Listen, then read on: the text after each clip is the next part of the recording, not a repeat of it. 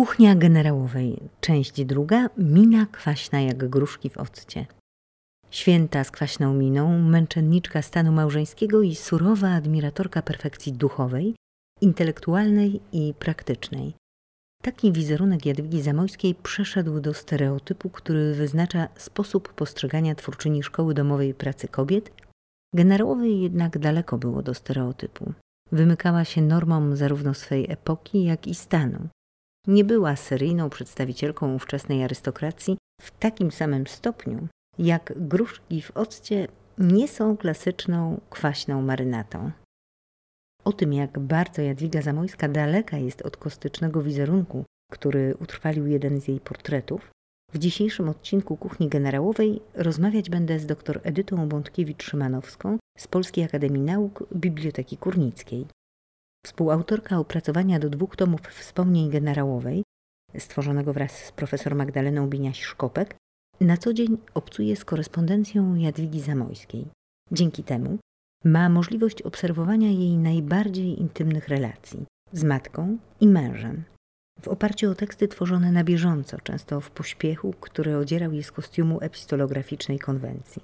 Z korespondencji tej wyłania się obraz daleki od potocznych wyobrażeń, w zgodzie z którymi przyjęło się postrzegać i opisywać córkę Tytusa Działyńskiego.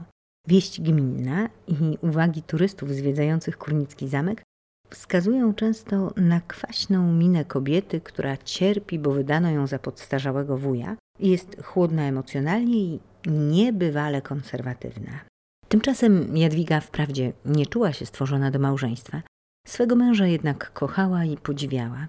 Sam generał Władysław Zamojski był natomiast mężczyzną nie tylko wybitnym, ale i wybitnie przystojnym. Wszelkie mylne przekonania o fizycznej odrazie, jaką miałby budzić w młodej żonie, należy więc włożyć między czcze bajania. Ale o tym wszystkim, co chcemy włożyć między bajki, rozmawiać będę dzisiaj i nie tylko dzisiaj z dr Edytą Bątkiewicz-Szymanowską z Polskiej Akademii Nauk Biblioteki Kurnickiej. Tymczasem zapraszam Was na pierwszy z obiecanych przepisów na konserwy w occie.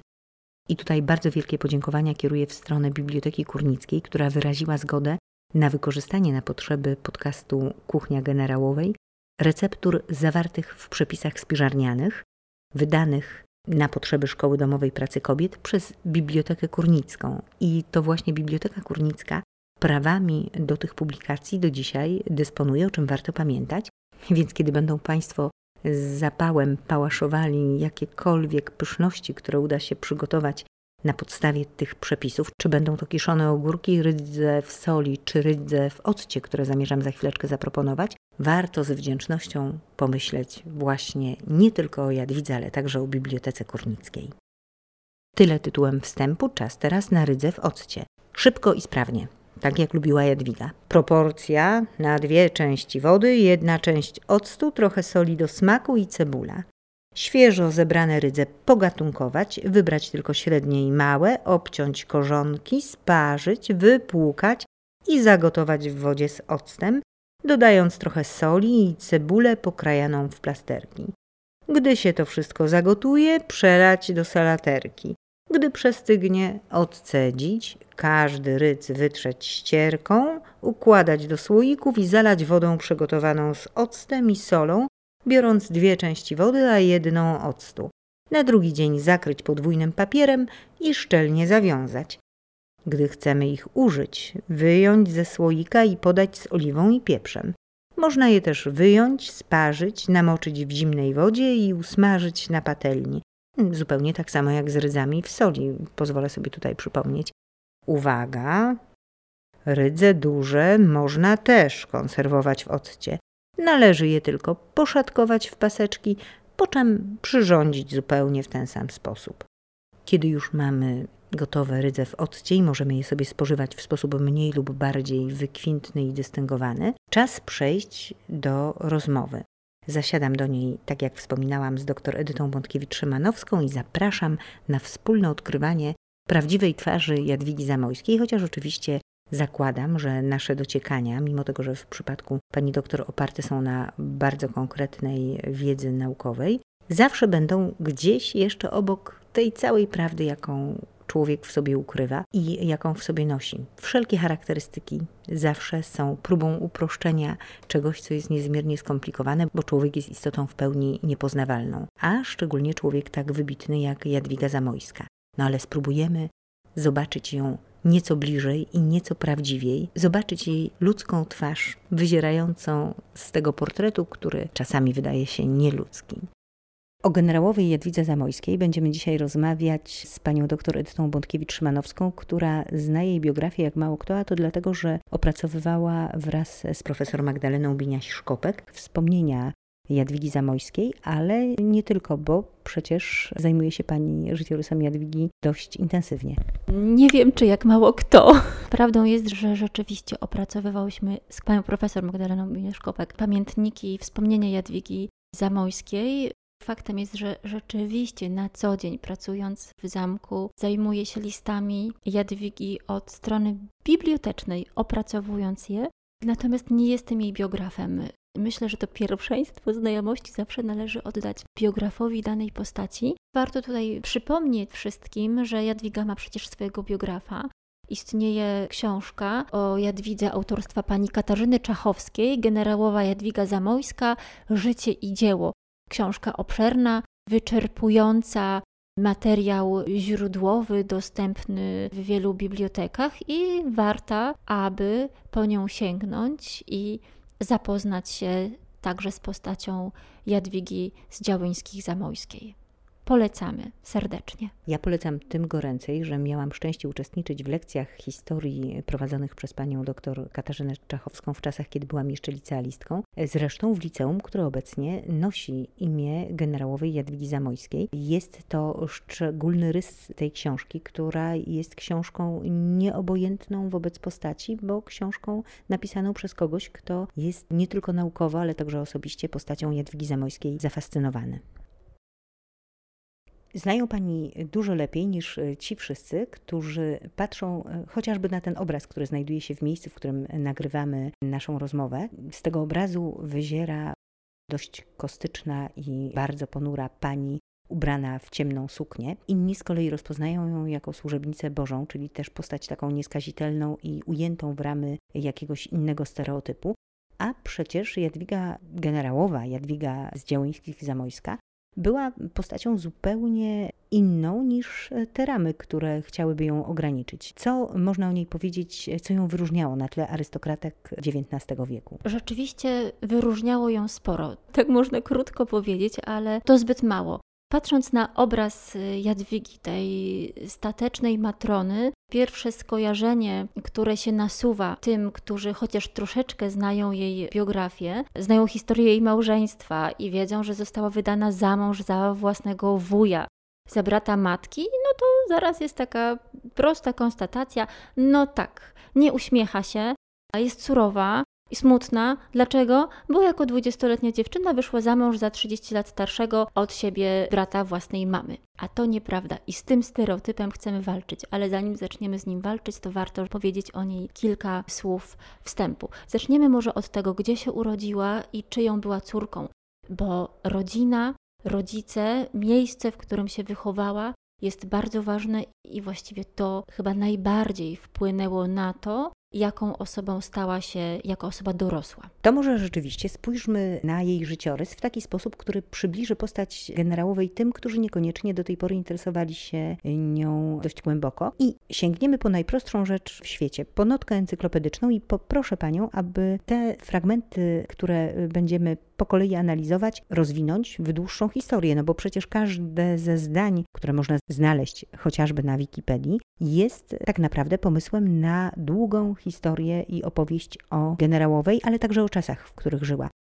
Więc rzecz pierwsza. Była córką Tytusa Działyńskiego i Gryzeldy Celestyny z Zamojskich. Co to oznacza? To oznacza, że wyniosła z domu bardzo silny kręgosłup moralno-patriotyczny, kulturowy, kulturalny, jako córka Tytusa Działyńskiego.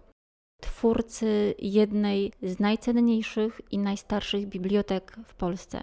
Człowieka, który przez całe swoje życie starał się, żeby na ziemiach polskich było lepiej, który poświęcił swoje życie na walkę o odzyskanie niepodległości. No i Gryzelda Celestyna z Zamojskich.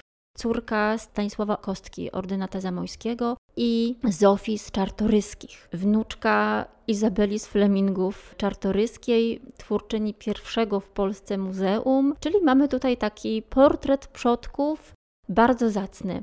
Ludzi, którzy poświęcali się przede wszystkim służbie publicznej. Tak można to krótko ująć. Właśnie ta służba publiczna, służba dla kraju, kraju, który w tamtych czasach był pod zaborami, ludzi, którym bliskie było nie tylko dobro kraju w sensie politycznym, walka o odzyskanie niepodległości, ale też walka o przetrwanie polskiej kultury, tradycji, wartości. Nie można nie wspomnieć właśnie o tym, gdzie Jadwiga wyrastała. Urodziła się wprawdzie 4 lipca 1931 roku w Warszawie. Data jest znamienna, bo to jest czas, kiedy jeszcze trwa powstanie, toczą się walki, tato jest na froncie. Warto jeszcze dodać tutaj taki element biografii rodziców, że kiedy zaczęło się powstanie listopadowe w 30 roku, w listopadzie 30 roku, Tytus pospieszył do Warszawy, a w ślad za nim udała się jego małżonka Celestyna Gryzelda, będąc w ciąży z Jadwigą. Wprawdzie no, nie była to ciąża zaawansowana, Jadwiga urodziła się w lipcu, to był listopad, no ale jednak już to był taki stan, w którym kobieta powinna po prostu o siebie dbać. A Celestyna za mężem udaje się po prostu do powstania i tam właśnie to powstanie spędza. Jadwiga już w tym życiu takim prenatalnym dochodzą do niej dźwięki huku dział. Matka jeździ odwiedzać swojego brata Władysława właśnie Zamojskiego, późniejszego męża swojej córeczki, którą właśnie nosi pod sercem. Tato jest na froncie, tak jak powiedziałam. I właśnie w takich okolicznościach przychodzi na świat Jadwiga Działyńska, późniejsza Zamojska. No dobrze, mają to być przepisy spiżarniane, więc czas na kolejną konserwowaną przekąskę, tym razem niezawodne korniszony. Małe, świeżo zerwane ogórki wytrzeć i zalać letnim przygotowanym octem na pół z wodą. Na drugi dzień ocet odlać i zalać ogórki ciepłym, na trzeci gotującym octem. Gdy ostygnie, korniszony włożyć do słoików, zalać świeżym gotującym octem na pół z wodą, a gdy przestygnie, zakryć podwójnym papierem i szczelnie zawiązać. Tyle jeśli chodzi o korniszony. Myślę, że pójdzie szybko i sprawnie, chociaż będzie to trwało kilka dni, no ale za to potem takiego korniszona w occie według przepisu ze Szkoły Domowej Pracy Kobiet z całą pewnością będzie bardzo przyjemnie schrupać. Tymczasem my próbujemy dalej brać na ząb historię życia Jadwigi Zamojskiej. Zapraszam na ciąg dalszy rozmowy z dr Edytą Bątkiewicz-Szymanowską. Właściwie można by było powiedzieć, że to rewolucyjne usposobienie Jadwigi Zamojskiej, które za chwileczkę będziemy chciały przybliżyć e, naszym słuchaczom. Wyssała je z mlekiem matki. To jedno, ale druga rzecz, że konsekwencją tego, że ona urodziła się w tym właśnie czasie, był fakt, że nie wychowywała się w miejscu, które było własnością rodziców bo pierwsze lata życia spędziła w Oleszycach. To, że działyńscy znaleźli się w Oleszycach, było również konsekwencją czasów, w których urodziła się Jadwiga Zamojska. Za udział w powstaniu listopadowym Tytus Działyński został skazany na banicję. Majątek kurnicki został zasekwestrowany. Gdyby po prostu Tytus wrócił tutaj do Kurnika, zostałby aresztowany. Banitą był także w Królestwie Polskim. Nie mógł przebywać w żadnym zaborze poza zaborem austriackim. Dlatego rodzina musiała schronić się właśnie tam. Na szczęście w zaborze austriackim znajdowały się dobra posagowe Celestyny z Zamojskich. I właśnie tam udała się rodzina Działyńskich. Nie od razu były to Oleszyce, na początku były to Zarzyce, Wysock, to z kolei były majątności Działyńskich. Potem właśnie rodzina Zamojskich, z kolei tato Celestyny, ordynat Stanisław Zamojski, zamienił właśnie te dobra posagowe Celestyny, aby mogli osiąść w Oleszycach. I właśnie tam spędzili najdłuższą ilość czasu. Ta banicja, wygnanie poza zabór pruski, poza Wielkopolskę, trwała 9 lat, około 9 lat. W 1931 roku rodzina musiała tam wyjechać. Wrócili do Kurnika w 1939-1940 roku. Ten powrót odbywał się etapami, przy czym przez cały ten czas Tytus Działyński prowadził proces o odzyskanie dóbr kurnickich rządem pruskim i po tym wygranym procesie udało im się tutaj do Kurnika, do kurnickiego zamku wrócić. Teraz znów czas na przerwę w naszych rozważaniach, bo na stół wjeżdżają kaparki. Trzeba teraz koniecznie zaopatrzyć się w zielone nasiona nasturcji i przyrządzić coś, co jest wykwintne, proste i zdrowe jednocześnie, chociaż zastanawiam się nad tym, na ile zalewa octowa może zniweczyć prozdrowotne właściwości nasion nasturcji. Jedno jest pewne: kaparki zawsze warto przygotować. Zielone nasiona nasturcji opłukacie w wodzie, trochę posolić i zostawić je nasolone przez 24 godziny. Po czym osuszyć na sicie, włożyć w garnek kamienny lub słoik, zalać przygotowanym mocnym, chłodnym octem i zakryć papierem. Nie bez powodu zadawałam pytanie o to, czy były to dobre czasy do rodzenia się dzieci, dlatego że właściwie Jadwiga Zamojska w swoich wspomnieniach przedstawiała to w ten sposób, że była pewnym kłopotem rodząc się w tym momencie. Jej sposób interpretacji swojego życiorysu rzeczywiście był często takim nastawionym na pokazywanie raczej swej ciemniejszej strony natury, chociaż troszczyła się bardzo o to, żeby być osobą trzymającą wszelkie możliwe normy. I tutaj też interpretowała to w ten sposób, że mogło to być kłopotliwe. W warunkach wojennych na pewno. To, no więc właśnie to wynika z tej natury Jadwigi, bo czytając później jej wspomnienia, czy też jej listy, czasami odnosi się wrażenie, że była to osoba, która może nie, że dokonuje samobiczowania na każdym kroku, ale która bardzo dba o swój rozwój duchowy, moralny i taka, która stara się być przynajmniej dobra i która stara się żyć według zasad narzucanych przez Pismo Święte.